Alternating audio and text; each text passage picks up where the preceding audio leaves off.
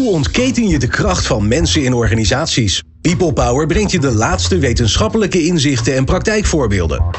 Over leiderschap en leren. Betrokkenheid en bevlogenheid. Inzetbaarheid en inclusie. Omdat mensen het verschil maken in jouw organisatie. People Power met Glenn van der Burg. Veranderende eisen van de klant, digitalisering en automatisering leiden tot andere diensten en producten. Mensen werken vaker thuis en organisaties die moeten zich daar maar aan aanpassen. Hierdoor zijn die organisaties op zoek naar medewerkers met nieuwe vaardigheden. En die medewerkers zijn op hun beurt weer op zoek naar meer flexibiliteit, een ander evenwicht tussen werk en privé, voldoende leermogelijkheden en ook een andere vorm van leiderschap. Kortom, het zijn woelige tijden om te ondernemen. En hoe houd je daar als onderneming nou het roer in recht als het gaat over mensen in je organisaties? Ik ga daarover in gesprek met twee experts. Guido Hees is oprichter en directeur van A Factory en Arjen Swank. Die uh, hoor je wel vaker langskomen. Is senior engagement specialist bij A Factory. En je bent uh, getuige van de 499ste aflevering van People Power. Dus dat is bijna gedenkwaardig. Fijn dat je luistert naar People Power. People Power met Glenn van den Burg. Guido en Arjen, leuk dat jullie er zijn. Arjen, leuk dat je er bent. Guido, uh, bijzonder dat je er bent, want dat is een tijd geleden. Dat lang geleden, ja. Ja, ik, ja, ik, ik ga tussendoor straks nog wel even googlen hoe lang geleden het was. Maar het is, okay. het is een tijdje geleden. Uh, bijzonder tof om met jullie uh, een beetje terug te kijken en vooruit te kijken naar wat er allemaal gebeurd is in, in, jullie vakgebied. Als het gaat over organisaties en natuurlijk over hoe mensen daar over hun organisatie denken. Mm -hmm. um, uh, Arjen, eerst even terugkijken naar 2022. We zijn nog niet klaar met 2022, maar er is al een heel stuk uh, geweest. Ja, wat, wat, uh, ja, wat, wat, is er allemaal gebeurd waar, waar wat jij terug ziet komen in je werk? Nou, ik begon met een soort reflectie in de voorbereiding met Guido van waar komen we ook alweer vandaan dit jaar. En het is ja, je zegt terecht, het is nog niet voorbij. Het kan nog alle kanten op wat mij betreft. De december ja. heeft nog... We kunnen uh, nog wereldkampioen worden. Precies. Ja. Dat lijkt me het mooiste positieve scenario. En dan zijn er nog allerlei grote, dreigende, impactvolle gebeurtenissen die er, ja, die er nog aan kunnen komen. Dus we begonnen 2022 nog met corona. Je zou het bijna vergeten. Hm. Maar ja, we zaten gewoon nog een paar maanden in allerlei uh, ellendige QR-codes, lockdowns, mondkapjes en, en weet ik veel wat. En, uh, en dat heeft wel zijn weerslag gehad samen met een aantal macro-economische ontwikkelingen op hoe we nu kijken naar de wereld van werk en hoe we werk inrichten. Dus hè, de invasie van Rusland in Oekraïne en de dreigende tekorten daaromheen. Uh, ja, de inflatie die stijgt, renteveranderingen. De, allemaal in, impact op de markt waarin bedrijven opereren. En daarin dus hoe ze omgaan met de mensen die, in die ja, voor die bedrijven werken. Ja. En al die grotere macro-economische ontwikkelingen hebben enorm effect op hoe organisaties zijn ingericht. Uh, op ja, hoe ze omgaan met hun medewerkers. Op hoe enthousiast die mensen zelfs nog zijn om bij die organisatie te werken. Die gaan zelf ook nadenken. En, en na zo'n crisisperiode, laten we zeggen dat de coronapandemie, uh, toen die af was gelopen in juni, dat mensen ineens beseften van hé, hey, wacht even er bestaat nog meer in de buitenwereld dan alleen maar die uh, ellendige corona. Dus ja, er gebeurt een hele hoop. En dat ja. maakt het ook interessant, denk ik. En dat vinden wij leuk om weer naar te kijken van hé, hey, wat, ja, hoe gaan mensen daarmee om? Ja, Guido, want eh, heel veel dingen die redelijk zeker waren en redelijk stabiel waren. Ik noem maar even het voorbeeld. Um, als je spullen bestelde, dan waren ze er ook. Ja. dan nogal belangrijk als je in de bouw zit of nou ja, waar dan ook. Wij hebben er zelf ook last van gehad trouwens. Ja. Dan dacht je van nou, uh, ja, nieuwe studio, moeten microfoons in. Ja, die waren gewoon niet leverbaar. Ja, ja dat is toch alles, best ingewikkeld. Ja, alles staat, uh, staat op zijn kop eigenlijk. Dus uh, de producten zijn, zijn niet meer zo goed te leveren. Mensen zijn er niet voldoende. en er zijn enorm veel opportunity losses voor, voor organisaties. En uh, ja, dat is natuurlijk mega uh, uh, interessante tijd. Hoop vertrouwen van mensen is ook weg in leiding, in mm. politiek. je ziet dat mensen minder betrokken vaak zijn bij hun eigen organisatie, tenzij de organisatie daar echt voldoende aan doet. En je ziet dat er inderdaad bedrijven af en toe de deuren moeten sluiten omdat ze gewoon te weinig mensen hebben. Treinen die niet rijden, vliegtuigen die niet kunnen vliegen, restaurants die op sommige dagen dicht zitten. En gewoon echt tekorten. Waardoor, waardoor bedrijven gewoon verlies maken. Ja, ja. ja. Bizar. Hè? Ik, ik kan me. Kijk, uh, Arjen is wat jonger. Die zetten we nu gelijk even buiten onze generatie. Wij zijn een beetje van dezelfde generatie volgens mij. Ja, maar ik heb dat nog nooit meegemaakt, toch? Dat een kroeg dicht ging omdat ze geen mensen Nee, hadden. op deze schaal. Op deze schaal niet. Of dat je als, als, als consument producten wil hebben. En dat er gewoon doodleuk gezegd wordt van die zijn er niet. Of als je Ja. als consument eh, klant wil worden ergens. Maar je mag geen klant worden. Nou, dat is bijna eh, onvoorstelbaar voor ons. Maar dat is wel eh, aan de orde van Ja. de dag op dit Maar je zei ook, de betrokkenheid van mensen is gedaald. En is die, is die op sommige plekken gedaald of is die in de algemeenheid gedaald? Nou ja, je ziet dat, de, dat de- die twee jaar corona, die hebben wel impact gehad op mensen en hun afstand tot eh, het bedrijf zelf. Hè. Ze komen niet meer dagelijks op bedrijf, tussen uitgezonderd bepaalde rollen en, en, en, en functies. En daardoor zie je dat mensen die hun werk thuis doen voor een groot deel van de, van de tijd, eh, die kunnen dat werk ontzettend leuk vinden, dus ontzettend bevlogen zijn in hun werk. Maar ze, ze zien die organisatie minder. Dus ze kunnen eigenlijk datzelfde werk kunnen ze overal doen voor elke organisatie. Ja. Eh, dus daar zien we eh, een beetje die, die, die, die trend van, goh, wat is er nog meer? En wat je dan nu ziet in deze tijd waarin alles duurder wordt, eh, inflatie eh, oploopt, eh, eh, de energieprijzen enorm hoog worden, eh, dat, mens, dat, dat geld ineens wel belangrijker wordt. Hm. Het, is, het is niet meer, hè, de, waar we vandaan komen, is dat geld was eigenlijk nooit het issue. Er was altijd wat anders, zeg maar, om, een, om naar een andere baan uit te, uit te kijken. En nu zie je dat voor een grote groep mensen geld toch wel een issue wordt. Dus op het moment dat ze eh, minder betrokkenheid hebben bij een organisatie en ze kunnen bij een andere organisatie meer verdienen, dan zijn ze toch sneller bereid om, om weg te gaan. Zeker als ze die binding dus, eh, dus wat minder hebben. Ja, dat is ook een, eh, belangrijke waarschuwing voor al onze luisteraars. Eh, of je nou leidinggevende of HR-professional bent. let goed op je mensen. Zorg dat ze verbonden blijven, want ze zijn zo bij de buurman. Ja, twee dingen eigenlijk. Hè. Zorg dat, dat, dat geld niet het probleem kan zijn. Hè. Dus je, je hoeft niet over te betalen. We zien dus dat, dat nog steeds eh, bedrijven die dus niet goed voor mensen zorgen, ja, die moeten overcompenseren. Die moeten gewoon te veel betalen. Maar als je op een goede manier omgaat met je mensen, Hm. dan kun je dus, dus, dus normaal betalen. Hè. Maar weet dat, dat, dat, dat, dat je niet kunt achterblijven. Nee, Dus dat staat nu is- onder druk. Die tijd is voorbij. Dus Maar zeg je dan ook, zorg dat je dat voor bent? Zorg dat je dat Dus voor bent. ga- Zorg dat je weet wat marktconform is.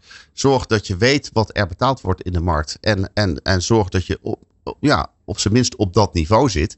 En zorg Maar ga het gesprek ook aan dan. Dus zeg gewoon, jongens, ik besef me eh, dat, eh, dat er flinke inflatie is. Dat jullie hogere prijzen betalen.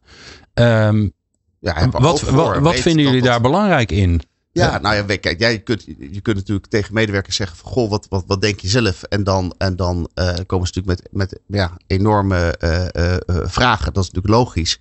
Maar op het moment dat je weet wat normaal is en je bent gewoon een fatsoenlijke Ja. betaler, ja, dan kun je voor de rest kun je het, kun je het voor een heel groot deel zoeken in goed werkgeverschap.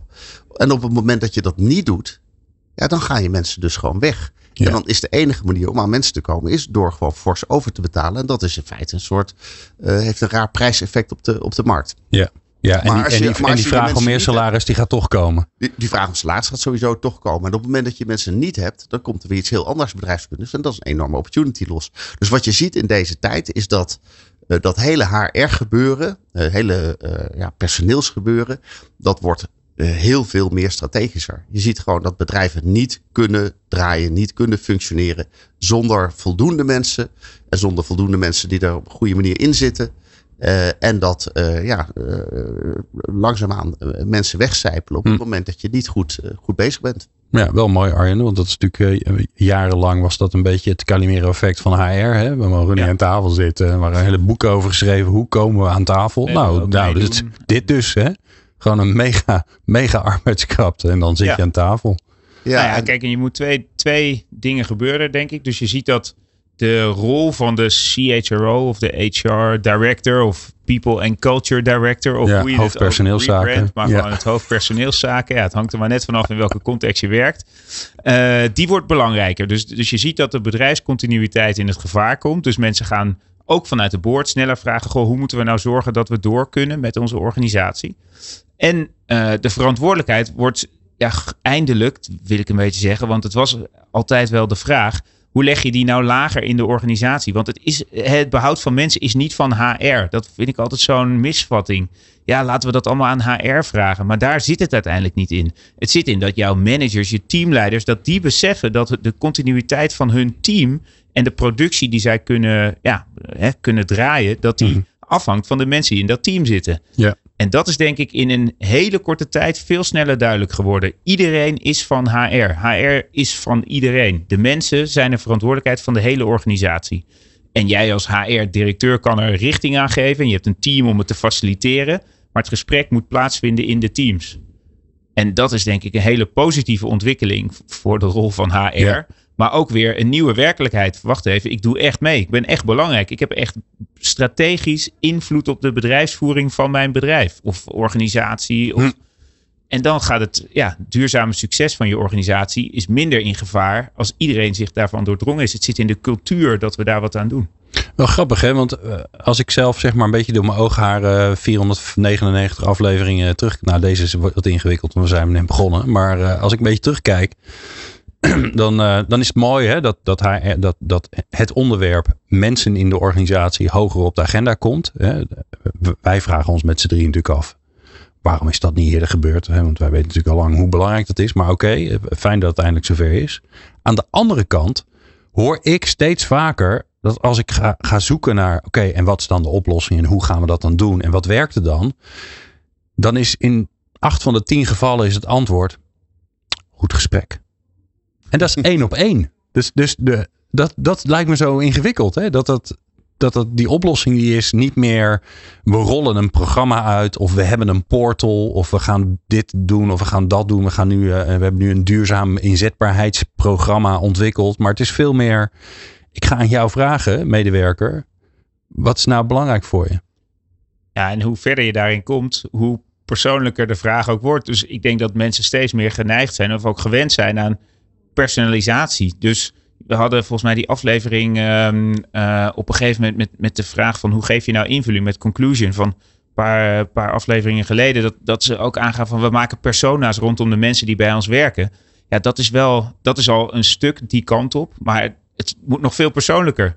Ja. Ieder individu ontwikkelt zich op een andere manier. Heeft eigen behoeften, eigen verwachtingen van die organisatie. Zit daar met een eigen reden. En als je dat verhaal goed kent, ja, dan kan je er ook invulling aan geven. Dat begint met het gesprek, absoluut. Maar op schaal, als jij in een multinational werkt met 10.000 plus medewerkers, moet je een schaalbare manier vinden om dat in ieder geval ook ergens in de top te laten doorleven. Dat die zich ook betrokken voelen bij dat idee. Guido, jij bent natuurlijk ooit de Factory begonnen eh, samen met jouw compaan. Omdat jullie geloofden in de, in de kracht van, eh, ja, van, de, van de, de blik van de medewerker. De Ja. ideeën van de medewerker. De feedback van de medewerker. Dat is een tijdje geleden. Ik kan niet zeggen hoe lang, want ik weet het niet precies. Maar eh, dat is een tijdje geleden. Ja. Als je dan nu kijkt waar we nu dan zijn. En, en eindelijk zou ik bijna zeggen. eh, is het algemene beeld. Ja, het is wel belangrijk wat die medewerker vindt eigenlijk. Ja, het is een beetje wat, wat, wat, wat, wat Arjen zei. Tenminste, de, de, de magie in de organisatie begint echt te, te, te ontstaan. Of een organisatie wordt heel krachtig of duurzaam succesvol op het moment dat eh, medewerkers met veel energie, passie en richting werken. Dat, daar gaat het eigenlijk om. Energie en richting. Dus zorg dat voldoende energie in de tent is. En zorg dat die voldoende goed gericht is. Dat het geen scattered energie is.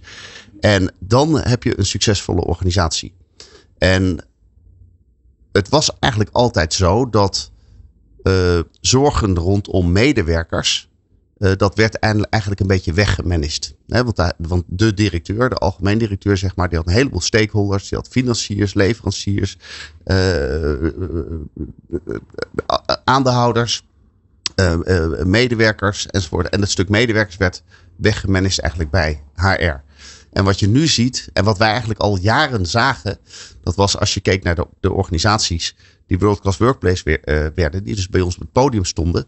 Dat waren organisaties die in de haarvaten, dus in de kern, eh, eh, georganiseerd waren ook rondom van goh, hoe zitten medewerkers in de film. En je zag dat Mhm. daar de CEO eigenlijk heel erg dacht vanuit, oké, de kracht van mijn organisatie zijn de medewerkers. En dat is een ongelooflijk belangrijke stakeholder, want zonder medewerkers zijn we niet eens klanten. En, en, en, en, en zijn we niet eens succesvol. En je ziet dat dat nu verder begint eh, te- te groeien. Hè? Als je Wouter Koolmees eh, op televisie een oproep ziet doen eh, eh, voor conducteurs eh, tijdens een NOS-uitzending, dan denk je, oké, dat begint een beetje door te dringen in de haarvaten van zo'n organisatie. En da- dat is natuurlijk wel heel mooi om te zien. Eh, dan nog zien wij dat eh, als je kijkt naar dat vakgebied HR, dat er zo'n druk eh, staat op HR, eh, dat HR ook moeite heeft van waar moeten we het zoeken. Want ze moeten werven. Ze moeten zorgen dat mensen binnen blijven. Ze moeten strategisch zijn. Maar ze zijn ook operationeel bezig met salarissen, met loonbeslagen, met allerlei uh, operationele dingen. Dat ze eigenlijk ook niet meer precies weten waar ze zijn. Dus ze zijn eigenlijk verantwoordelijk voor de, ja, bijna de complete bedrijfsvoering. Ja. En dan denk ik van, goh, misschien zou je daar iets meer moeten splitsen. Dat je zegt, oké, we hebben echt strategisch HR. En we hebben een aantal mensen die bezig hm. zijn met de puur operationele zaken, zeg maar. En je ziet de grote bedrijven daar ook wel goed mee, goed mee omgaan. Maar het moet echt in de haarvaten van de organisatie zitten. En het gevaar als je dat niet hebt, dus, is dat je of moet overbetalen, overcompenseren. Ja, of je moet gewoon eh, de tent op bepaalde dagen sluiten of leveranciers ja. teleurstellen. Ja, ja. dan gaan we toch, gaan we toch naar een uh, vierdaagse werkweek toe. In plaats van uh, vijf dagen of zeven. Ja, ja. Hoe, hoe dat zich zal ontwikkelen, dat is, dat is onduidelijk. Maar het is wel zo dat het, dat het meer maatwerk moet zijn naar de medewerkers toe. Dus als medewerkers uh, zien dat het na vier dagen toe moet. En dat ze dan meer energie hebben om in de organisatie te steken. En dat wordt de algemene trend. Ja, dan heb je niet veel anders te doen als organisatie dan daar gewoon hm. mee, mee, mee om te gaan. Ja. Dat zagen we ook al bij coronatijd. Hè? Organisaties die er echt heel erg fel op waren dat medewerkers zich moesten melden bij het, bij het kantoor. Ja, die hadden toch een stuk zwaarder. Ik zit even te denken, hè, want ik kan me zo voorstellen dat onze luisteraars die horen dit en die herkennen dit ook heel erg. En die denken waarschijnlijk ook van, oh ja, het einde van het jaar, als ik dit zo hoor, hebben we toch nog een hoop te doen. Um, een van de belangrijkste uh, inzichten, denk ik, van het afgelopen jaar, want we hebben natuurlijk ook heel veel over het krapte van de, uh, krapte aan de arbeidsmarkt gehad, is ook um, het, nieuwe mensen aannemen is ingewikkeld. Maar zorg er nou eerst voor dat mensen blijven. Want anders, ja. hè, anders heb je een heel ander probleem. Uh, en het voordeel van als mensen blijven is dat ze het leuk vinden. Waarschijnlijk. Hè? Dus als je zorgt dat ze het leuk vinden, dan, uh, dan gaan ze dat ook vertellen. Is het ook weer makkelijk om nieuwe mensen aan te nemen. Hè? Dus het begint eigenlijk bij je, dus, uh, je, je, je employer branding of je arbeidsmarktcommunicatie of je, je werving begint eigenlijk bij je eigen medewerkers. En dat, dat lijkt een beetje raar, want je denkt nee, we hebben meer mensen nodig. Maar ja. dat vond ik wel een mooi inzicht. De grote vraag is natuurlijk, en jullie hebben daar verstand van, want jullie doen daar heel veel onderzoek naar bij je klanten. Wat zorgt ervoor dat mensen blijven? Arjen. Nou, er zijn een hoop theorieën over. Dus de, de, de magische sleutel, die, die, ja, die heeft een hele hoop, laat ik zo zeggen, de draak heeft een hele hoop koppen. Ja. Maar ik denk, dat begint bij je leidinggevende, dat begint bij je werksfeer, begint bij eerlijke werkdrukverdeling. Maar met name, ik, ik, denk de belangrijkste reden nu voor mensen om weg te gaan, even los van of salaris een rol speelt of niet, die komt steeds sneller op nu met alle gestegen kosten. Ja, dat is ook de makkelijkste die je op kan lossen. Hè? Dat is ook wel je zo. Nou ja, dat ook. Alleen hij wordt veel minder genoemd. We hebben het al eerder een keer over gehad dat mensen veel minder noemen in hun exit survey dat ze vanwege het salaris weggaan. Maar eigenlijk de meest genoemde is ontwikkelmogelijkheden. Hmm. Waar kan ik naartoe ontwikkelen? Waar, waar groei ik naartoe? Op een gegeven moment ben ik specialist. En dan wordt altijd dat, dat verschijnsel dat mensen van specialist manager worden en verzanden in ja, een taak die ze eigenlijk niet zo goed beheersen. Want manager is iets anders. Hè? Laten we zeggen, manager van een team is iets anders dan dat jij specialistisch uh, ja, uh, engineer bent. Ja. En de vraag is natuurlijk, waar doe je die persoon het meeste plezier mee? Dus de groei of de ontwikkeling zou misschien wel veel meer moeten zitten in de waardering van je specialisten dan in de waardering van managers. En ja, daar nou, en dat daar dus ook een pad is. Hè? Want vaak hoor je, nou ja, dat heb je natuurlijk in het onderwijs. Hè? Je bent op een gegeven moment ben je een hele goede docent. Ja, dan kan je ja. wat specialisatie doen, maar dat, dat is het dan wel. Hè? Terwijl je, je wil toch ook als mensen wil je een soort van vooruitgang boeken. Ja. Ja, het zit ook in de ervaring en in, de tijd die je erin steekt om verder te, uh, om aan te durven dat het misschien niet uh, verticaal is altijd, maar dat de verbreding horizontaal zit in je verbreding van je vakgebied. En als ik kijk naar een aantal van die trends die je noemt in relatie tot binden en boeien. Hè, uh, quiet quitting was ineens een dingetje. Uh, de Great Resignation hadden we ineens met z'n allen theorieën over. Maar de uiteindelijke, uh, ja, het uitgangspunt daarvan was toch dat mensen zeiden: Wacht, ik evalueer gewoon even. Wat vind ik er eigenlijk van om mijn werk bij deze organisatie te doen? Bevlogenheid ging niet per se naar beneden, maar betrokkenheid wel. Dus ja. we deden het op afstand door het hybride, ja, de inrichting van hybride werken. En we evalueerden voor onszelf: oké, vind ik het nog wel passen bij mijn eigen waarden? Bij hetgene wat ik zelf eigenlijk belangrijk vind. Wat wil ik achterlaten voor de toekomst? En als dat niet in het verlengde zit, ja, op een gegeven moment ga je dan een andere weg zoeken om daar aan te werken. Ja, en het grappige is, Guido, ja, ik neem jou maar even steeds als uh, soort uh, onze, onze, onze lopende, lopende geweten hier. Daar heb jij het natuurlijk al jaren over. Hè? Dat dat dit zo werkt. Dat, dat die bevlogenheid belangrijk is, maar dat die betrokkenheid ook heel nodig is. Die combinatie is juist heel sterk. Dat daar allerlei factoren zijn die daarbij helpen. Nou, je hebt natuurlijk alle, alle uh, world-class workplaces die, die aangeven wat er werkt. Ja. Denk je soms niet. Ja, ik, ik krijg gelijk van Gaal in mijn hoofd. Hè? Zijn jullie nou zo. Nou ja. Ze nee, hem niet herhalen. ik vind het eigenlijk alleen maar, maar heel mooi dat het, dat het nu heel, heel zuiver naar voren komt. Ja.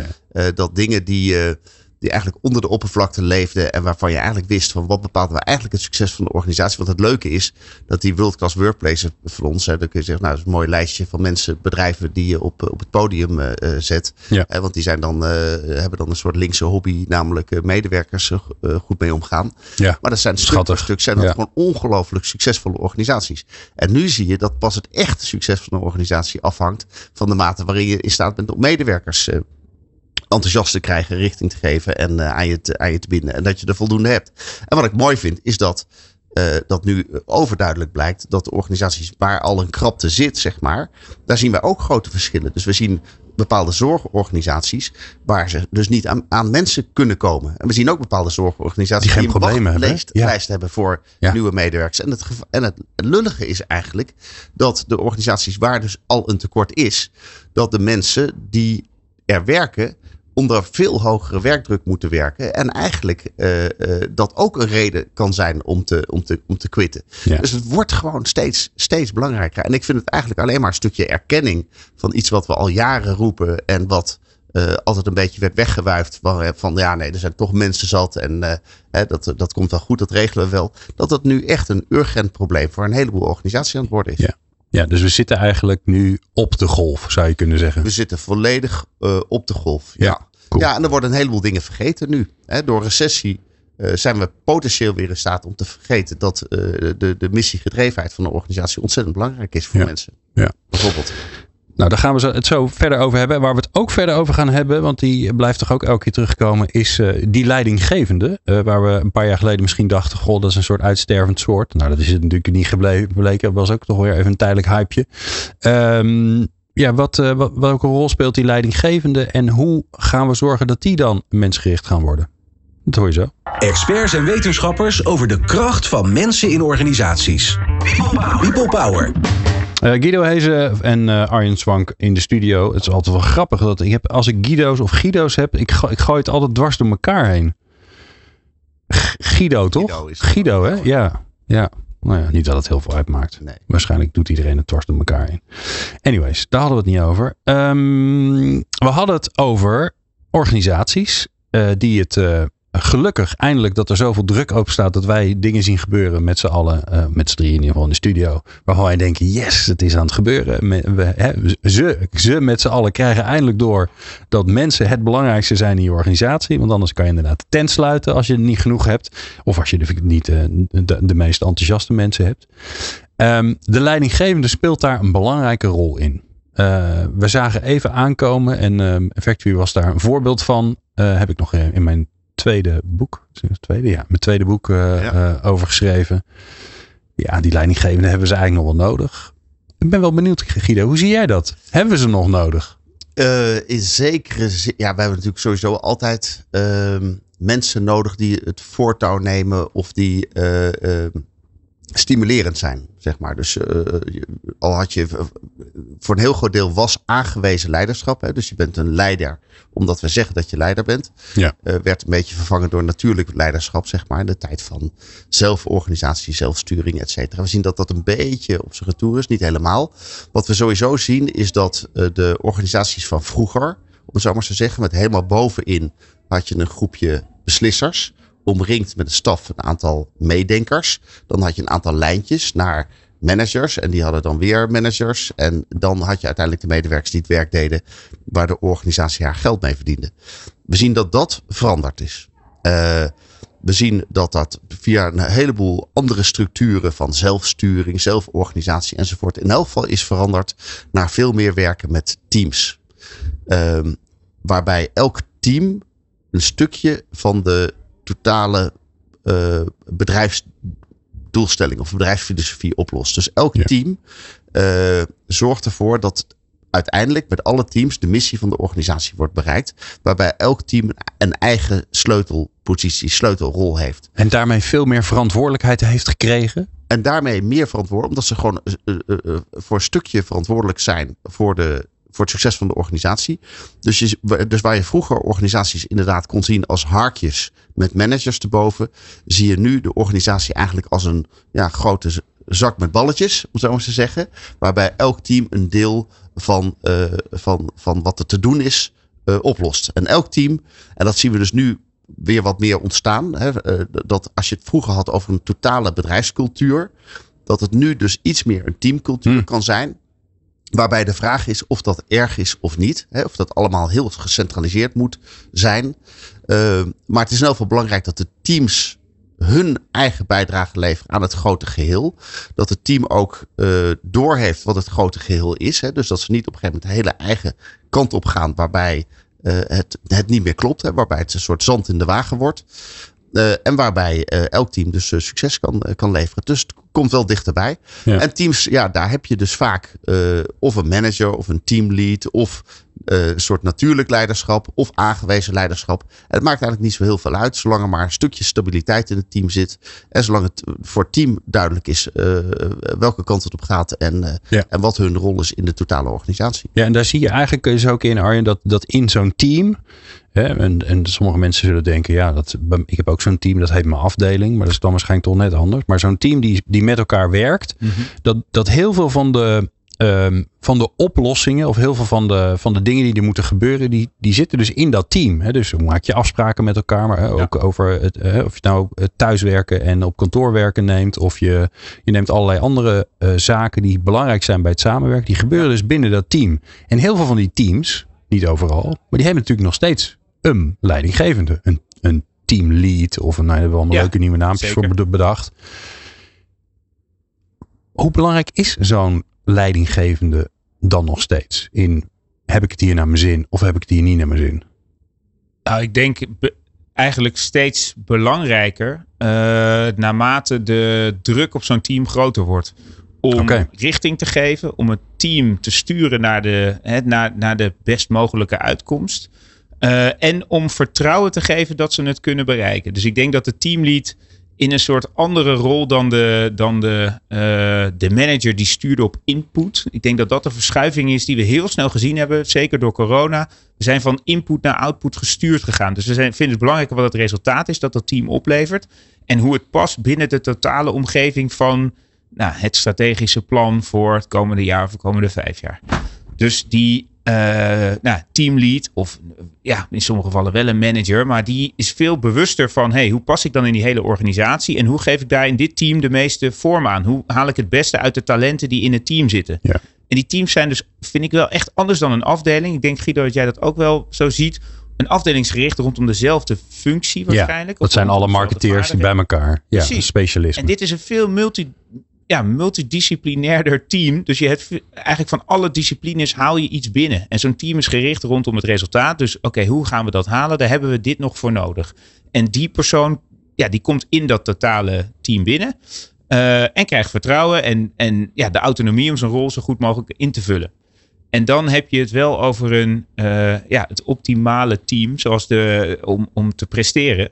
Uh, dus ik zie het, nou laten we het WK als, als uh, uh, metafoor gebruiken. Ja. Je hebt niet, niet alleen maar de linies van vergaal verdediging, middenveld, voorhoede.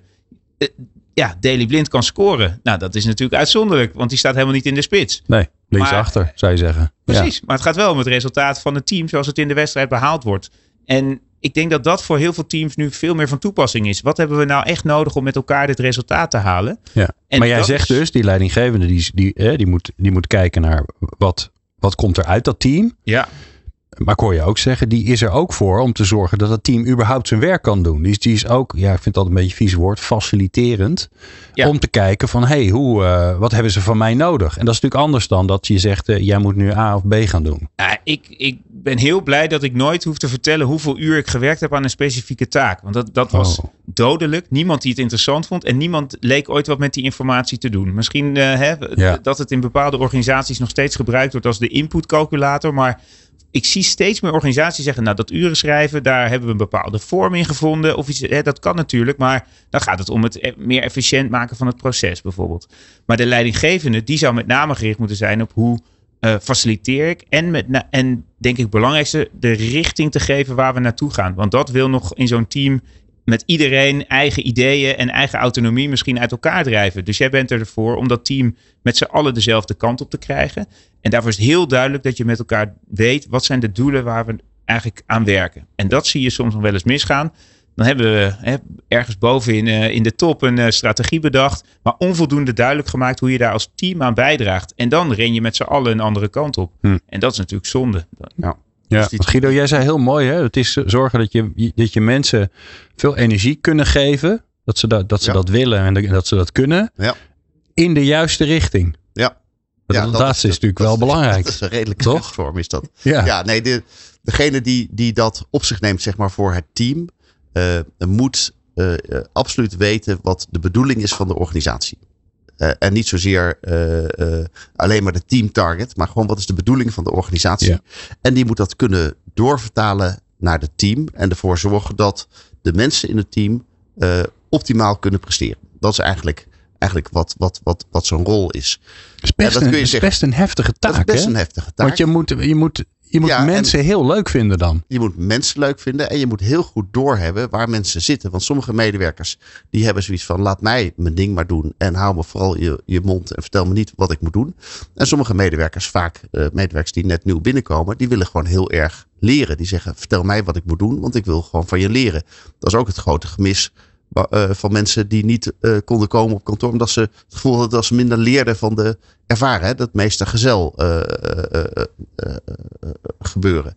Dus je moet dat als, als, als verantwoordelijke voor het team. Moet je dat heel goed doorhebben. Wat voor soort leiding. Of wat voor soort aansturing. Of wat voor soort motivatie hebben mensen nodig. En dat is inderdaad heel individueel. En, dus als, en dan kom je een beetje terug op dat het goede, het echt, het echt gesprek voeren. Ja, dat is natuurlijk voor een 10.000 plus organisatie is het onmogelijk om als top het echte gesprek met 10.000 mensen te voeren. Maar op het moment dat je dat dus, dus uh, uh, clustert per groep en die groepen per team. En je hebt daar goede mensen zitten die weten wat de bedoeling is van de totale organisatie en wat de rol is van het team in die, in die invulling uh, ja, die teamleads, die kunnen dat, dat gesprek voeren. En ja, die kunnen zorgen dat mensen optimaal En even voor de, voor de sceptici onder, onder ons, die denken, ja, uh, de top van de organisatie. En dan heb je allemaal, allemaal clusters. Dat noemden we vroeger business units. Of ja, nee, wat. En dan heb je allemaal teams. En die noemden we vroeger afdelingen. En die hebben nu iemand die zich bemoeit met, met mensen. Die noemden we vroeger manager.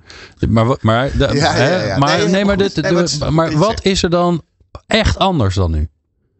Het is... Uh, het is, het is minder, veel minder hiërarchisch.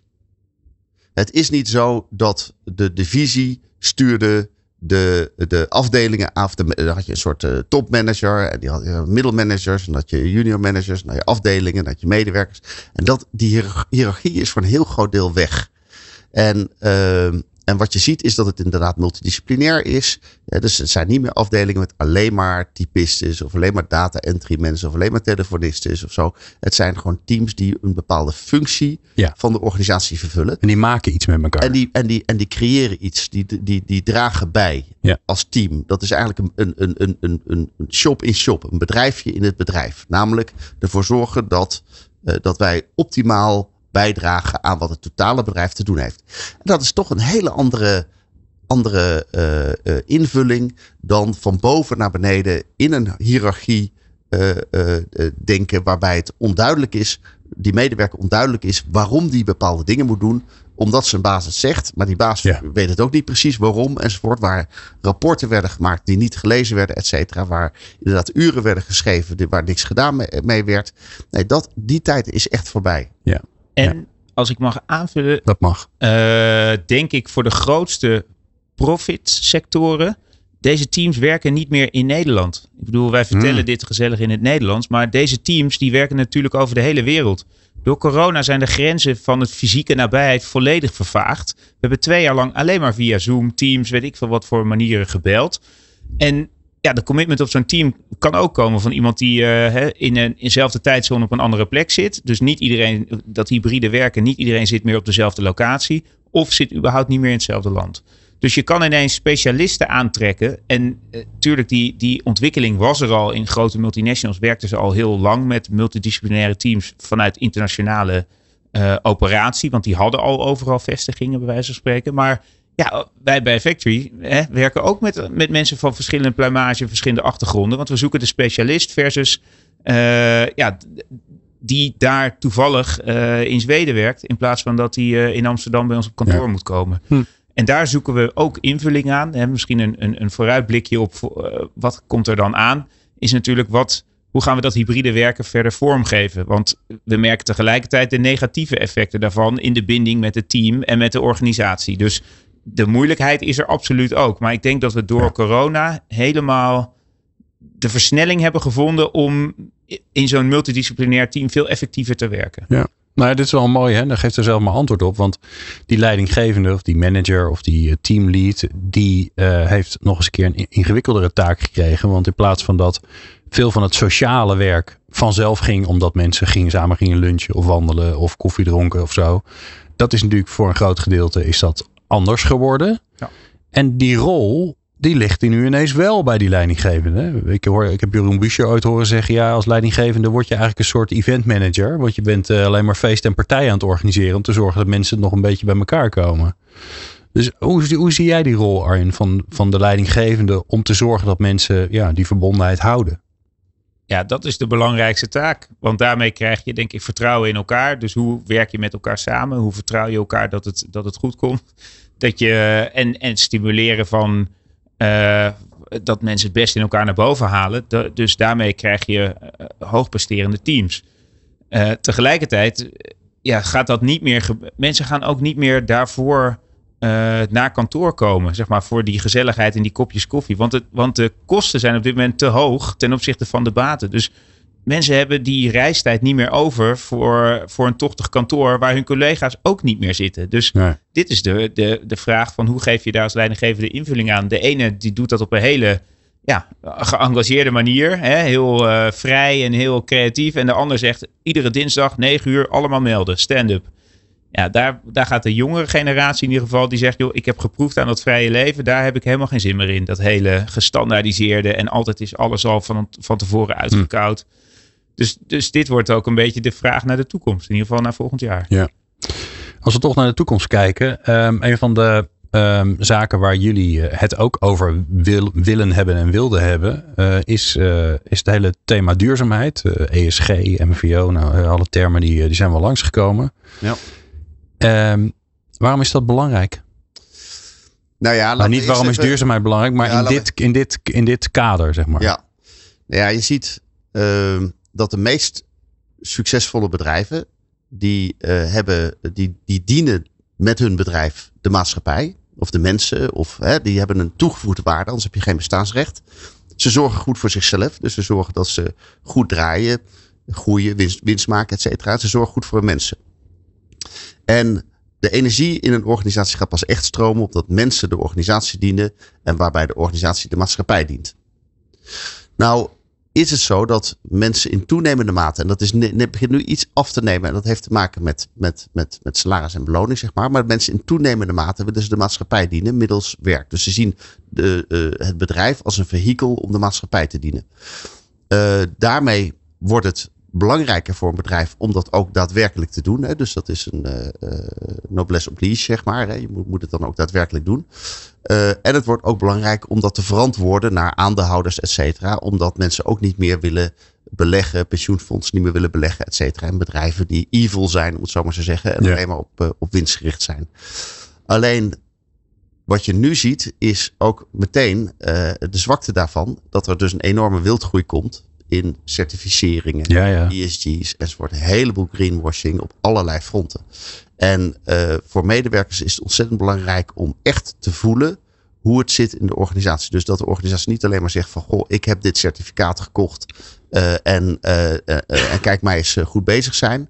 Maar dat ze ook echt in de kern voelen dat, die, dat, die, dat, dat alles in de organisatie erop gericht is om de klant of de maatschappij zo goed mogelijk te dienen. En daar gewoon zelf succesvol in te zijn. En als bedrijf kun je dat heel goed uitleggen. Dat je die drie belangen hebt. Ja. maatschappelijk belang, eigen belang van goed Ja. presteren. En doe je En het niet? Wat zijn de effecten? Eh, als je, nou, dat, dan dat medewerkers hun interesse verliezen. Eh, en zeker op het moment dat je echt aan het greenwashen bent. Het is een reden om weg te gaan of een reden om niet te komen? Dat is een reden om af te haken. Ja. Dat is nog veel gevaarlijker. Oh, te blijven, maar Ja, eh, de ja. silent, de silent, eh, wat was die ook Silent alweer? Quiet quit is. Quiet Ja, quitting, ja, dat ja. allitereert lekker. Nee, dat is Ja. de reden om gewoon af te haken. En denken van oké, als het Ja. hun dus niet echt interesseert, dan boeit het Interesseert het mij mij echt ook meer. niet. En dan doe ik mijn werk, maar het is toch geen stap want dat meer. is onzichtbaar. Hè, als Ja. mensen, was het maar zo dat mensen dan gewoon niet kwamen of mensen weggingen, dan was de organisatie wakker geschud. Ja. En dachten ze van, oh shit, we moeten echt iets doen. En we moeten niet met die greenwashing bezig zijn. Ja. Maar dat greenwashing is gewoon een hele, een hele gevaarlijke, is dat. Dus eh, dat is ook wat wij proberen eh, eh, onze klanten terug te geven. Ook middels de feedback die de medewerkers teruggeven. Hoe zit het nou werkelijk? Hm.